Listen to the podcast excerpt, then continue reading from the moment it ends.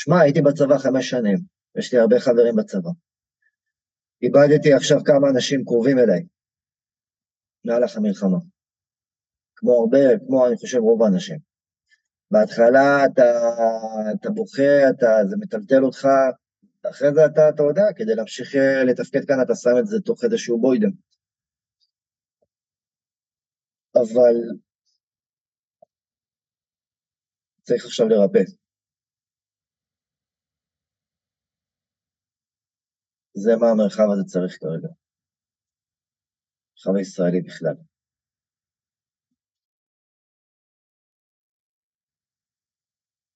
עכשיו צריך לדעת איך לעשות את זה, כי המורכבות אותה אני מוצא הרבה מאוד פעמים תוך מרחבים מרפאים, זה איזשהו ניקוז של מוגלה, עידוד של פגיעות, עידוד של בכי, אני חושב גם הרבה מאוד פעמים ביני אל בין עצמי, אני חושב אולי אנשים מאוד אוהבים, לא יודע, יש את הביטוי הזה פורנו רגשי, אנשים לפעמים רוצים לראות אנשים בוכים כדי לדעת, וואלה, לא רק אני פגיע, לא רק אני בן אנוש, לא רק אני חלש. זה אחלה. אבל אחת הטעויות אותן אני מזהה אה, תוך מרחבים מרפאים זה חוסר בניית חוסן. בסופו של דבר, לצד, ה... לצד הרפואה, הוצאת הרעלים, בכי, יכולת להיות פגיע, אתה לא יכול, אתה גם לא יכול לבנות, לבנות חוסן אם אתה לא יודע איפה הנקודות הפגיעות שלך. אבל יהיה מאוד מאוד חשוב גם לדעת איך לבנות חוסן. פה, נכנס, פה נכנסות, נכנסת היוגה, נכנסת אמבטיות קרח, נכנסת תנועה כפגת חשופה, נכנסת הרמת משקולות, נכנסת עבודת קול, נכנס juggling, כל דבר אשר ב, ב, מלמד אותנו לבנות.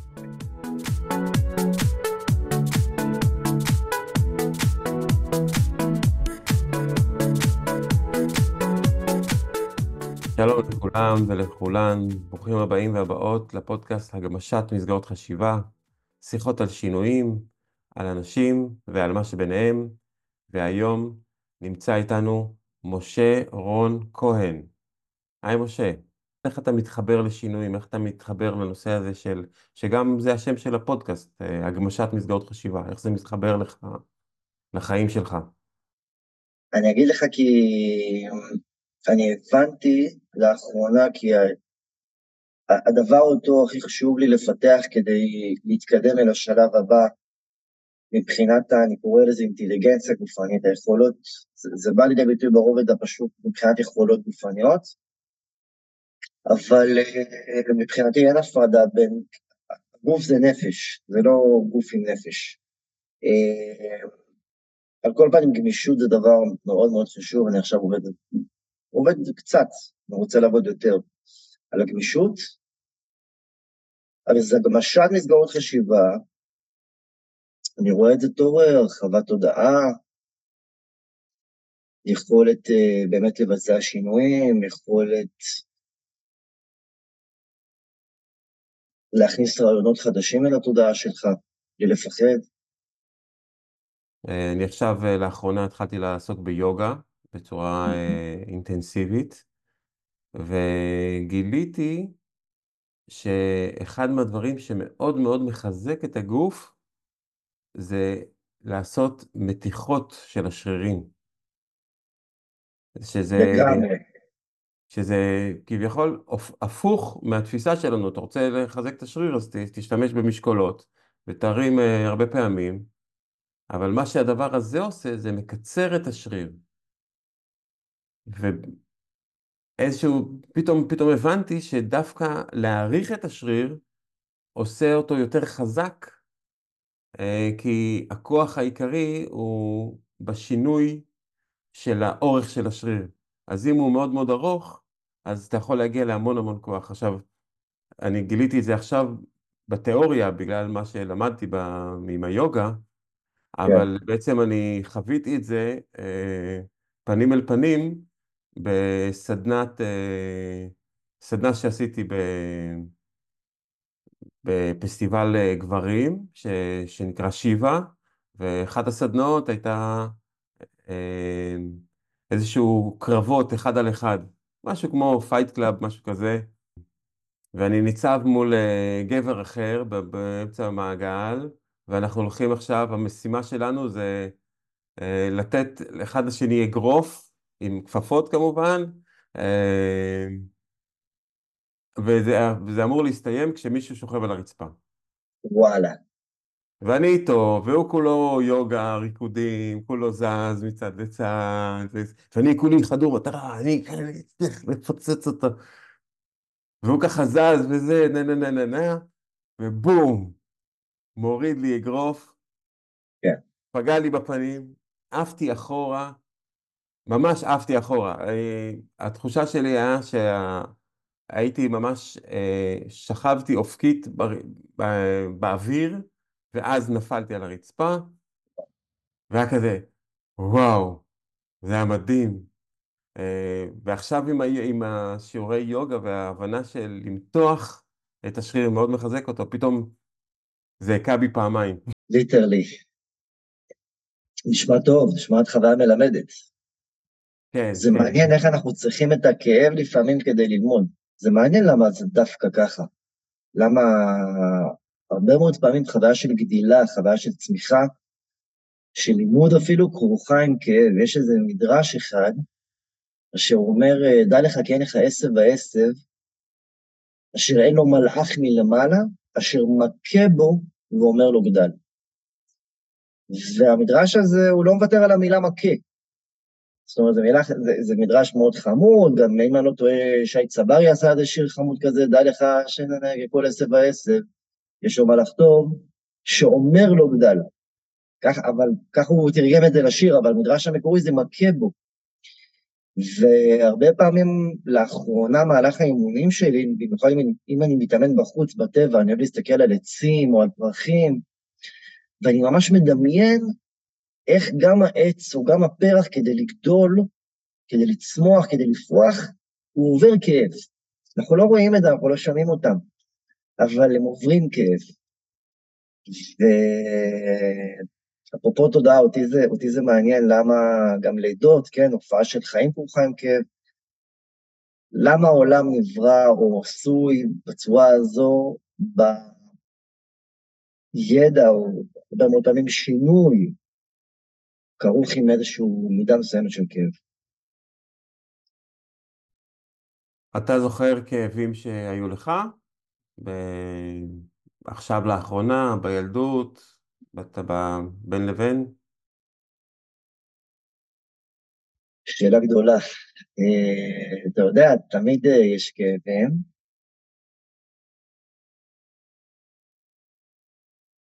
אני חושב, אה, אפשר ללכת על הכאב האחרון של המלחמה. כאב, כאב גדול מאוד, כאב של גם, אני חושב, חוויית כאב יחד עם חוסר אונים, כלומר איזושהי חוויה של מוגבלות אל מול התגובה שלך אל הכאב הזה, זה עוד יותר מורכב. אז אל מול המלחמה הזאת בא זה... כן, כן, חוויתי, חוויתי קצת חוסר אונים אל מול המלחמה. מה, מה כאב לך במלחמה הזאת באופן ספציפי? אני זוכר תחילת המלחמה חשבתי על השיר של דודו טסה, בסוף מתרגלים אל הכל. אז כאב לי הידיעה כי אנחנו, אנחנו עם מאוד סטגלטן, מאוד מתרגל, מאוד מקבל דברים של המציאות, בלי תמיד לשאול למה זה קורה. אז כאב לי, כאב לי איזושהי קבלת המציאות הזאת של יש מלחמה, זה מה קורה עכשיו, אנחנו כבר, כמה? ארבעה חודשים לתוך הדבר הזה, פלוס, בלי איזה אופק uh, של שינוי. קיבלנו, הסתגלנו. זה קצת מפריע.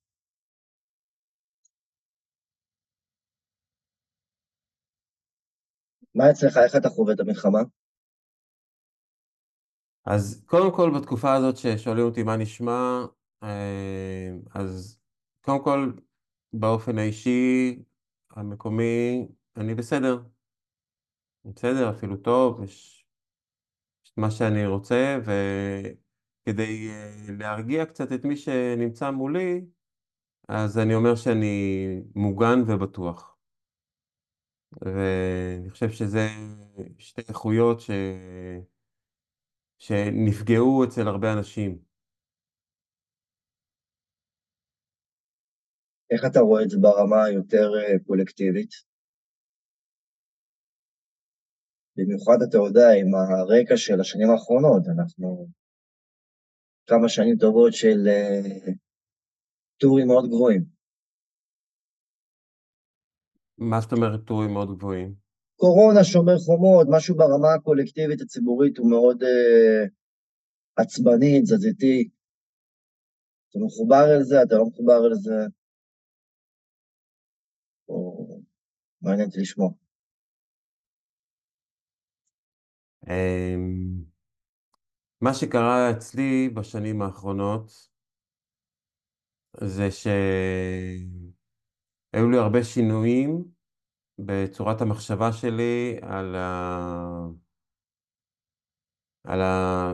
גם על הסכסוך היהודי-פלסטיני, אה, גם על כל מיני אה, רעיונות אה, פרוגרסיביים, ליברליים, שמרניים. גם היה לנו גם הזדמנות, היה איזה חמש מערכות בחירות, שאחת רדפה את כן. השנייה, ובכל פעם בחרתי במישהו אחר, ממש מקצה לקצה, אה, עד שבמערכת הבחירות, ה... אני חושב ש... אני... האחרונה שהייתה מתוך החמש, אח שלי, שהוא אה, טייס והוא הוא, אה, לא היה אמור להיות בארץ בזמן הבחירות, מאוד התבאס, אז אה, אמרתי לו שאני אבחר בשבילו מה שהוא רוצה, אני אשים את הפתק. מתחבר, מזדהה איתך מאוד. חוסר אמון של המנגנון הציבורי. איפה אתה חווה את חוסר האמון הזה? במה אתה חווה? אצלי זה התחיל מאוד חזק בקורונה, עד הקורונה הייתי אדם אה, מאוד סאחי. גם, אתה יודע, בסוף אני מורה, אני מחובר אל המערכות האלו, אני גם מאמין בהן, אני מוצא הרבה חשיבות ב... ביציבות, במשמעת, ב... ב... אפילו אם לפעמים יש, יש עם הדבר הזה מידה מסוימת של שקר, אתה יודע, זה קצת כמו, אנחנו צריכים את ה...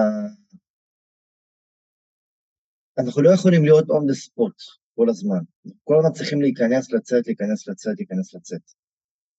אז אני חושב המנגנונים האלה אשר מאפשרים איזשהו אה, מצע של חיים,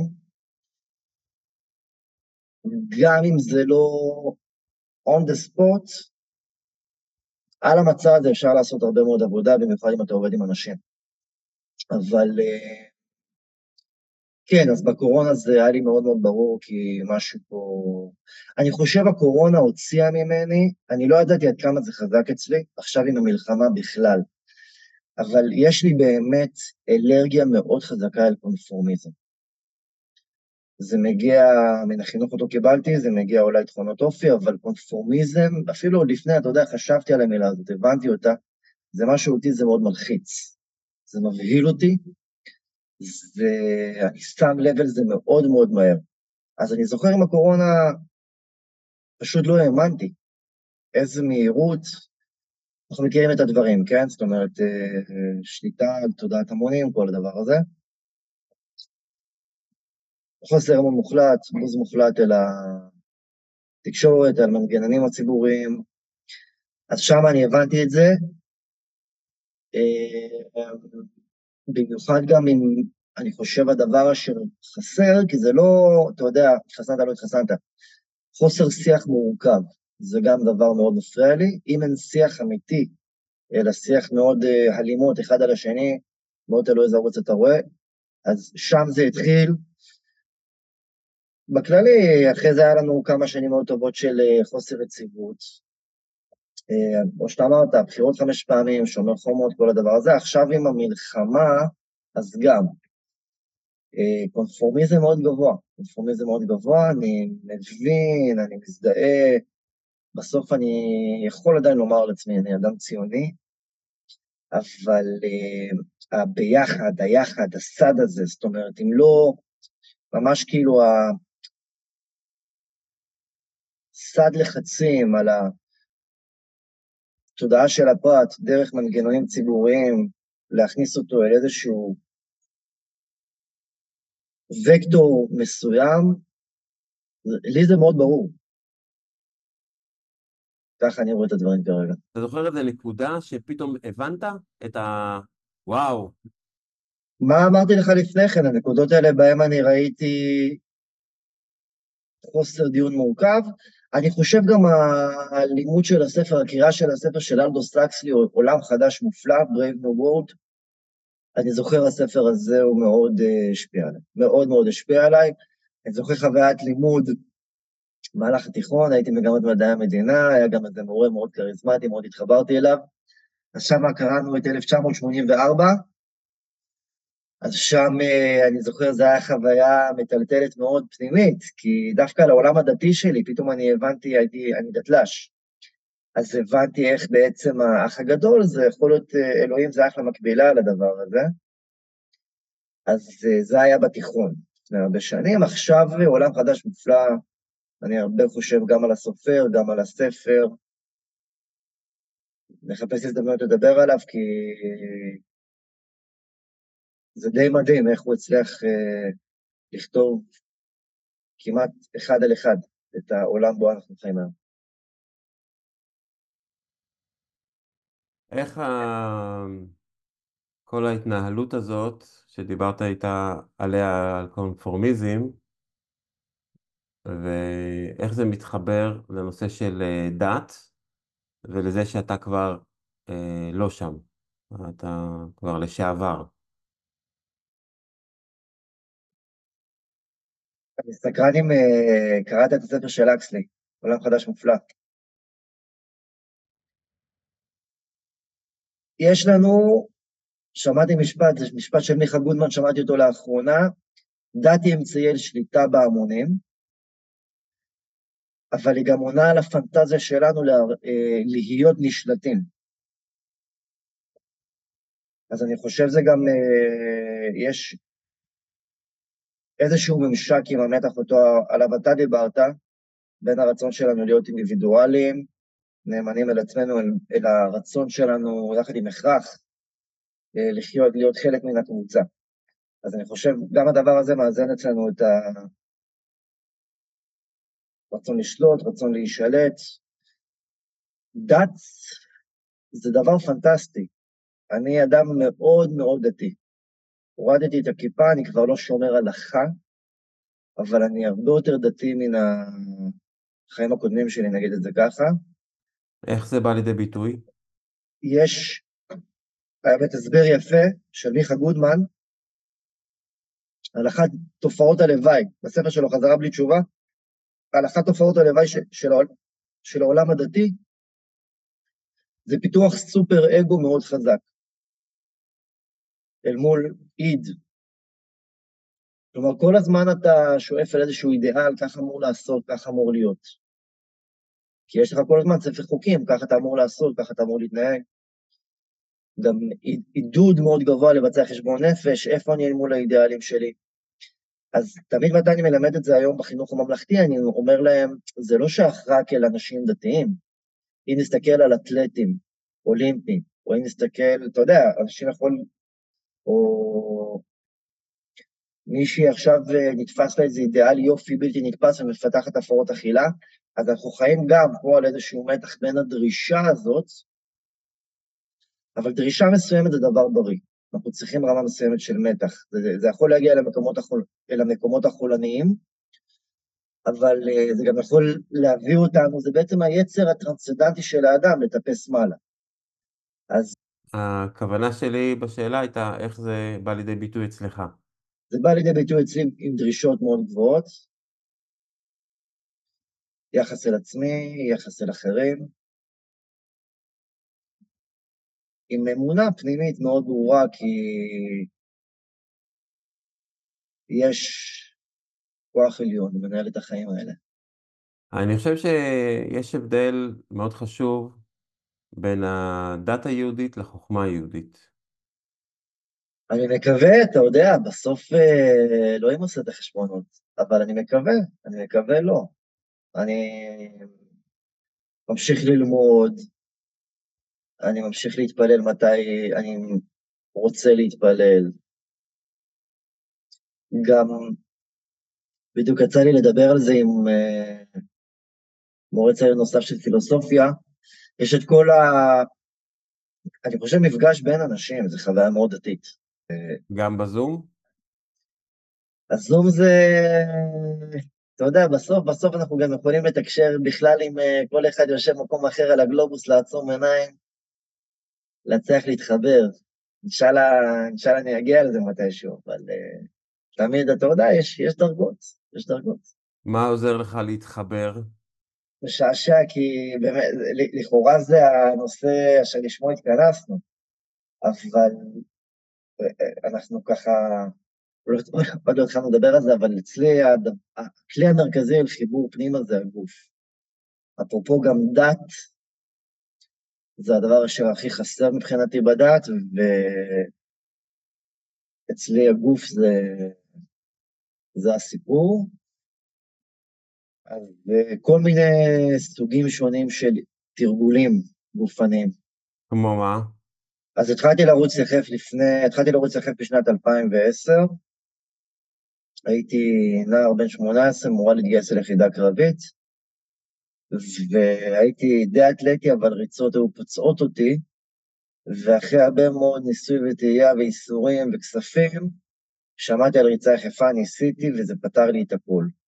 ואף אחד עדיין לא דיבר על זה בארץ, וגם פגשתי הרבה מאוד uh, ברי סמכה אשר לא הכירו את הדבר הזה. אז זה גם בנה בי את הרצון להעביר את זה הלאה, להוכיח את זה, להפיץ את זה, אז זה התקדם עם השנים, ורצתי כבר כמה מרתונים יחף, ובאמת יוצא לי לדבר עם אנשים או להעביר הרצאות מדי פעם על ריצה יחפה. ובמקור הדרייב היה להוכיח כי יש דברים בגו, כי זה פותר פציעות בצורה דרמטית.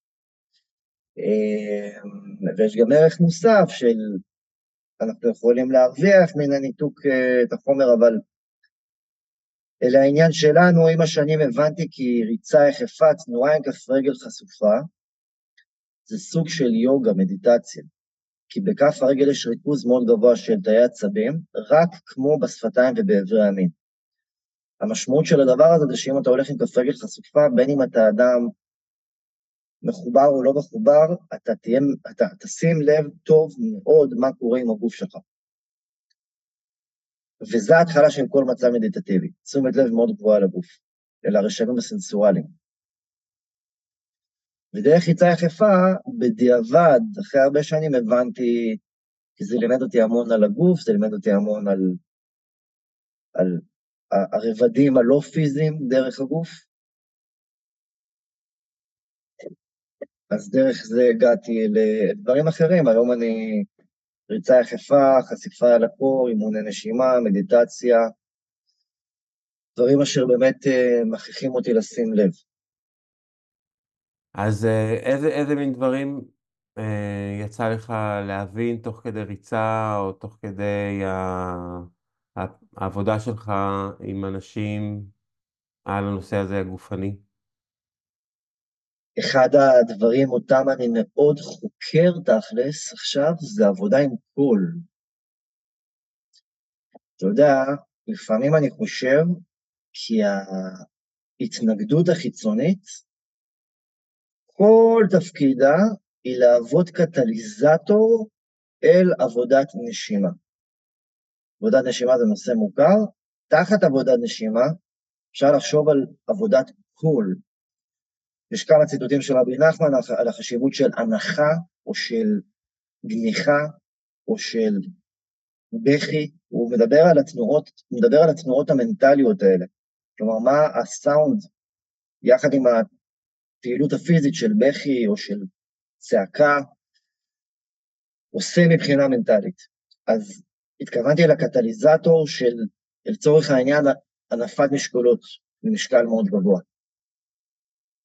כדי להרים משקל מסוים, כדי לעבוד בתחום בו, אתה באמת צריך לגייס את את המשאבים הגדולים שלך כדי להצליח להרים את המשקל בלי סכנה, אתה מוכרח לבצע עבודת קול.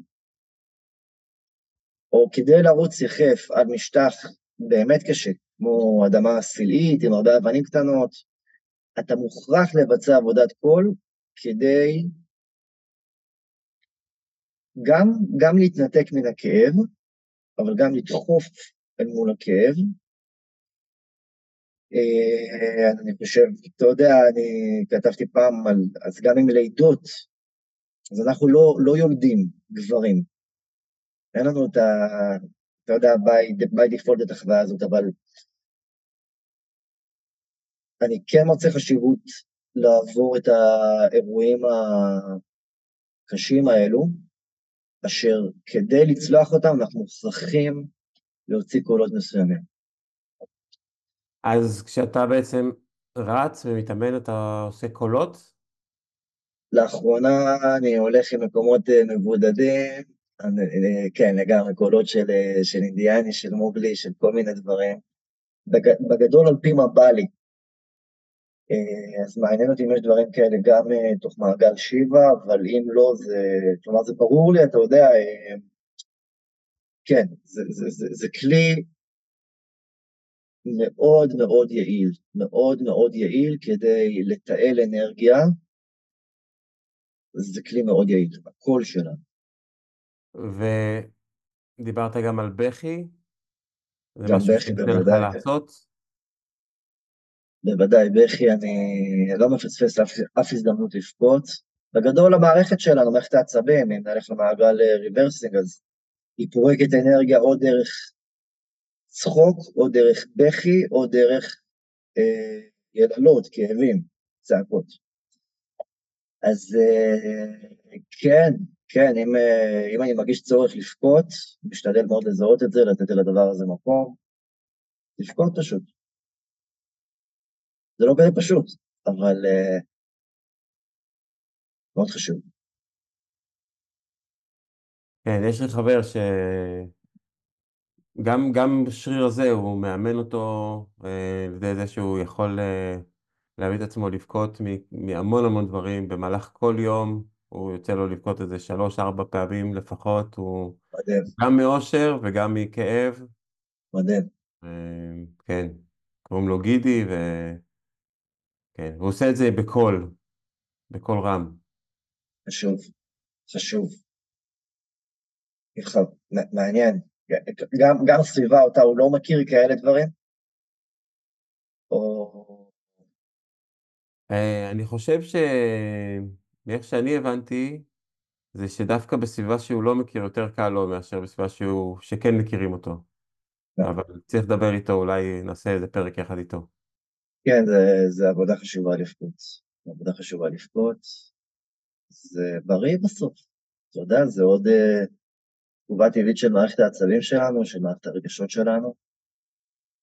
אני חושב חשוב... Uh,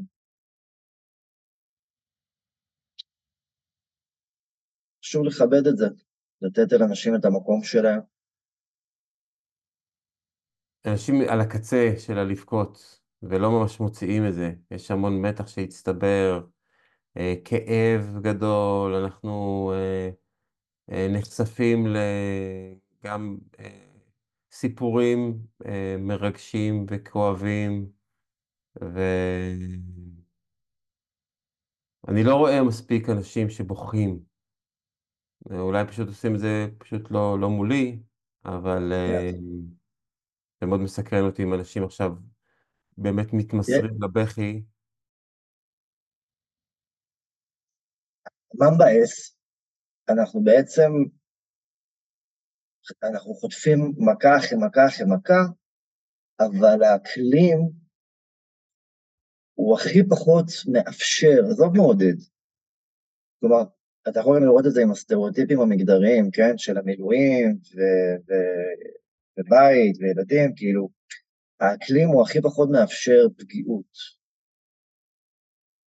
בסוף גם בלי יחס ערכי אל מול הדבר הזה, פגיעות זה דבר שדורש setting מתאים.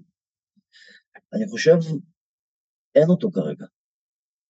אין אותו, אין אותו מספיק כרגע. אז אני מאוד מוצא חשיבות ב... למשל איפה אני אתה הכרנו, בעמותה של אחים ליוגה, אני, אני מאמין יהיו עוד, אני רוצה יהיו עוד. אני גם מאחל על עצמי לקחת חלק בעשייה הזאת של לבנות מרחבים עם setting מתאים עבור, במיוחד גברים, אני אגיד לך את האמת, במיוחד מילואימניקים. אמ, לרפא. עכשיו, לרפא זה לאו דווקא לבכות. הרבה מאוד פעמים עם ריפוי עולה גם כאב, עם הכאב כדאי מאוד, כדאי מאוד לבכות. אבל... אה, כן, זה, זה קרוב ללב שלי. מה, איך זה קרוב ללב שלך? שמע, הייתי בצבא חמש שנים, יש לי הרבה חברים בצבא. איבדתי עכשיו כמה אנשים קרובים אליי, במהלך המלחמה. כמו הרבה, כמו אני חושב רוב האנשים. בהתחלה אתה, אתה בוכה, אתה, זה מטלטל אותך, אחרי זה אתה, אתה יודע, כדי להמשיך אה, לתפקד כאן אתה שם את זה תוך איזשהו בוידם. אבל צריך עכשיו לרפא. זה מה המרחב הזה צריך כרגע. המרחב הישראלי בכלל.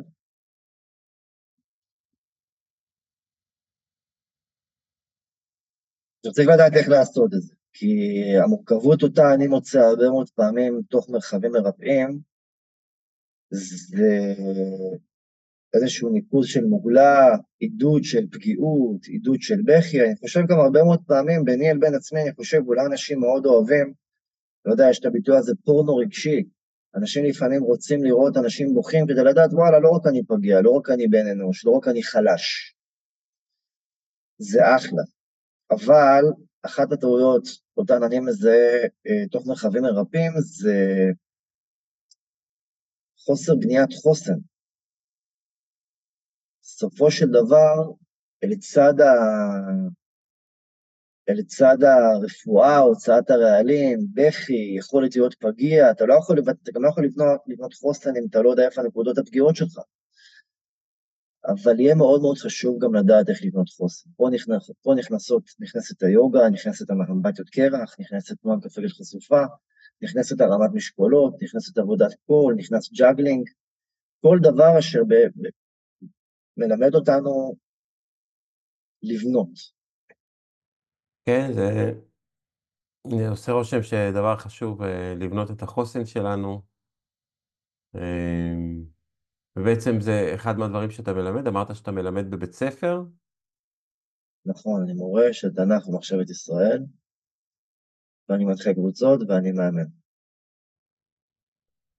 כשאתה פוגש את הילדים בבית ספר, עם הסיפורים על התנ"ך ומחשבת ישראל, עכשיו, בימים אלו, זאת אומרת, איזה דברים עולים, זאת אומרת, אפשר להתרכז בחומר שצריך להילמד, או שהכל זורק אותנו ל... לכאן ועכשיו. אה, אני חושב שהרבה מאוד מסיפורי התנ"ך ומחשבת ישראל, יש שם הרבה סיפורים של אה, קרבות, של אה, באו להשמידנו, של התחזקות, התגברות, איך זה בא לידי ביטוי עכשיו בשיעורים שלך, בפגישות שלך עם התלמידים? הדברים נמצאים שם, הפסוקים, הטקסטים מהדהדים. אבל אני כל הזמן מחזיר אותנו אל הטקסטים, כי אתה אמרת את זה יפה, אנחנו שייכים אל,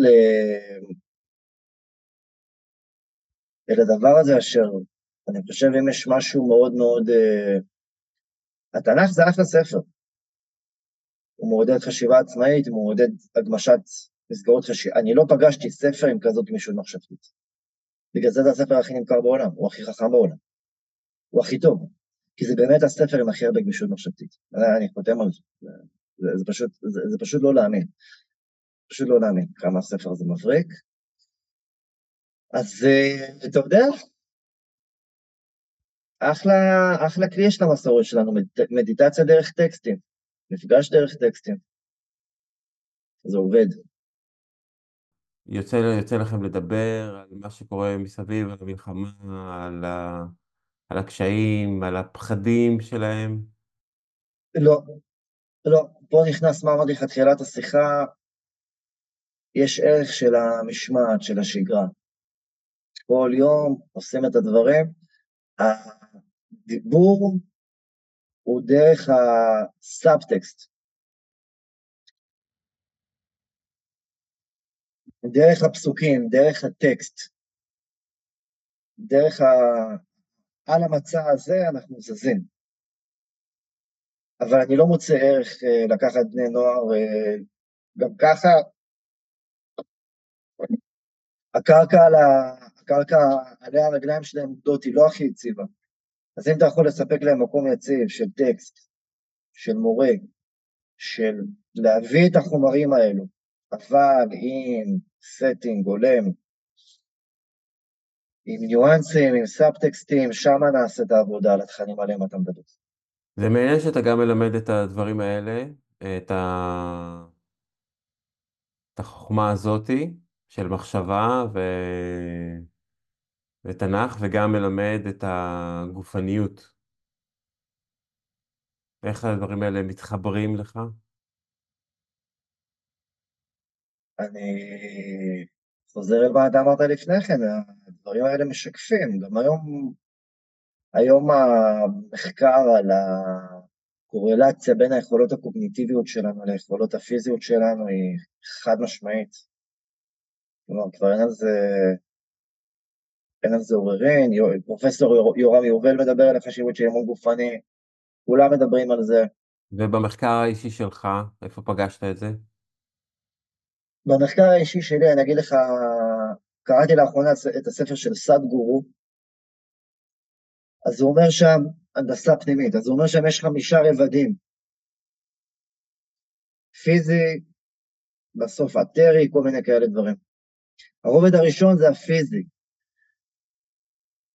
זה די חופף מה הקבלה אומרת על נפש, רוח, נשמה, חיה יחידה.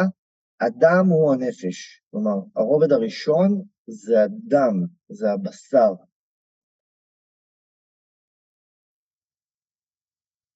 אז אם אני חזק, אני חזק, אם אני גמיש, אני גמיש. זה, זה פשוט שם. אם אני... כל הדברים האלה, זה... זהו. אין חציצה בכלל. איך אפשר לפגוש אותך, אם מישהו רוצה ללמוד ממך, אם מישהו רוצה לראות את הדברים החכמים שאתה אומר וכותב ועושה? המספר שלי הוא 054-8181-688, זה המספר הטלפון שלי. הסתדרת. ויש את הרואה, יש את אה, דף הפייסבוק שלי, דף פייסבוק זה משה רון כהן. אפשר לרשום משה רון כהן ריצה יחפה, אולי זה יקדם לכם את החיפוש, ובאינסטגרם אני נקרא רונקו טבע. R-O-N, C-O, טבע. רונקו טבע. עוד דבר אחד, יש איזה מישהו שאתה חושב שהיה נחמד שהוא גם כן יתראיין בפודקאסט הזה? ואתה רוצה לקשר אותו אליי? כן, כן, אני אשלח לך מספר של מישהו. מי? נבו, נבו פרץ, הוא מאמן אה, נשימה, חשיפה אל הקור. בסדר גמור, זה תענוג, תקשר אותנו. כן. וממש ממש אחרון, מסר אה, לעולם. להבין כי אה, הגוף הוא הנפש. ספר דברים אמר את זה יותר יפה, כי האדם הוא הנפש. אז לקחת בשיא הרצינות את התזונה שלכם, את התנועה של הגוף שלכם, את החיבור אל הטבע, כי אם הבריאות הנפשית שלכם חשובה, חשובה לכם, אז תשקיעו, תשקיעו על הגוף שלכם. זה הרובד, זה הבסיס. כן, וזה גם הדבר שבאנו לחקור פה, סך הכל אה, בתור אה, ישויות רוחניות, לא סתם שמו אותנו פה ב... בכל כל החומר הזה, בגוף הזה, בעולם הזה, אז... אה, לא לזלזל בחומר. ממש, ממש, לא לזלזל בחומר. תודה כן. רבה, זאב. גם לך תודה, שמחתי לשוחח ולהכיר אותך קצת יותר, ודרכך גם אותי. likewise. עד הפעם הבאה, להתראות.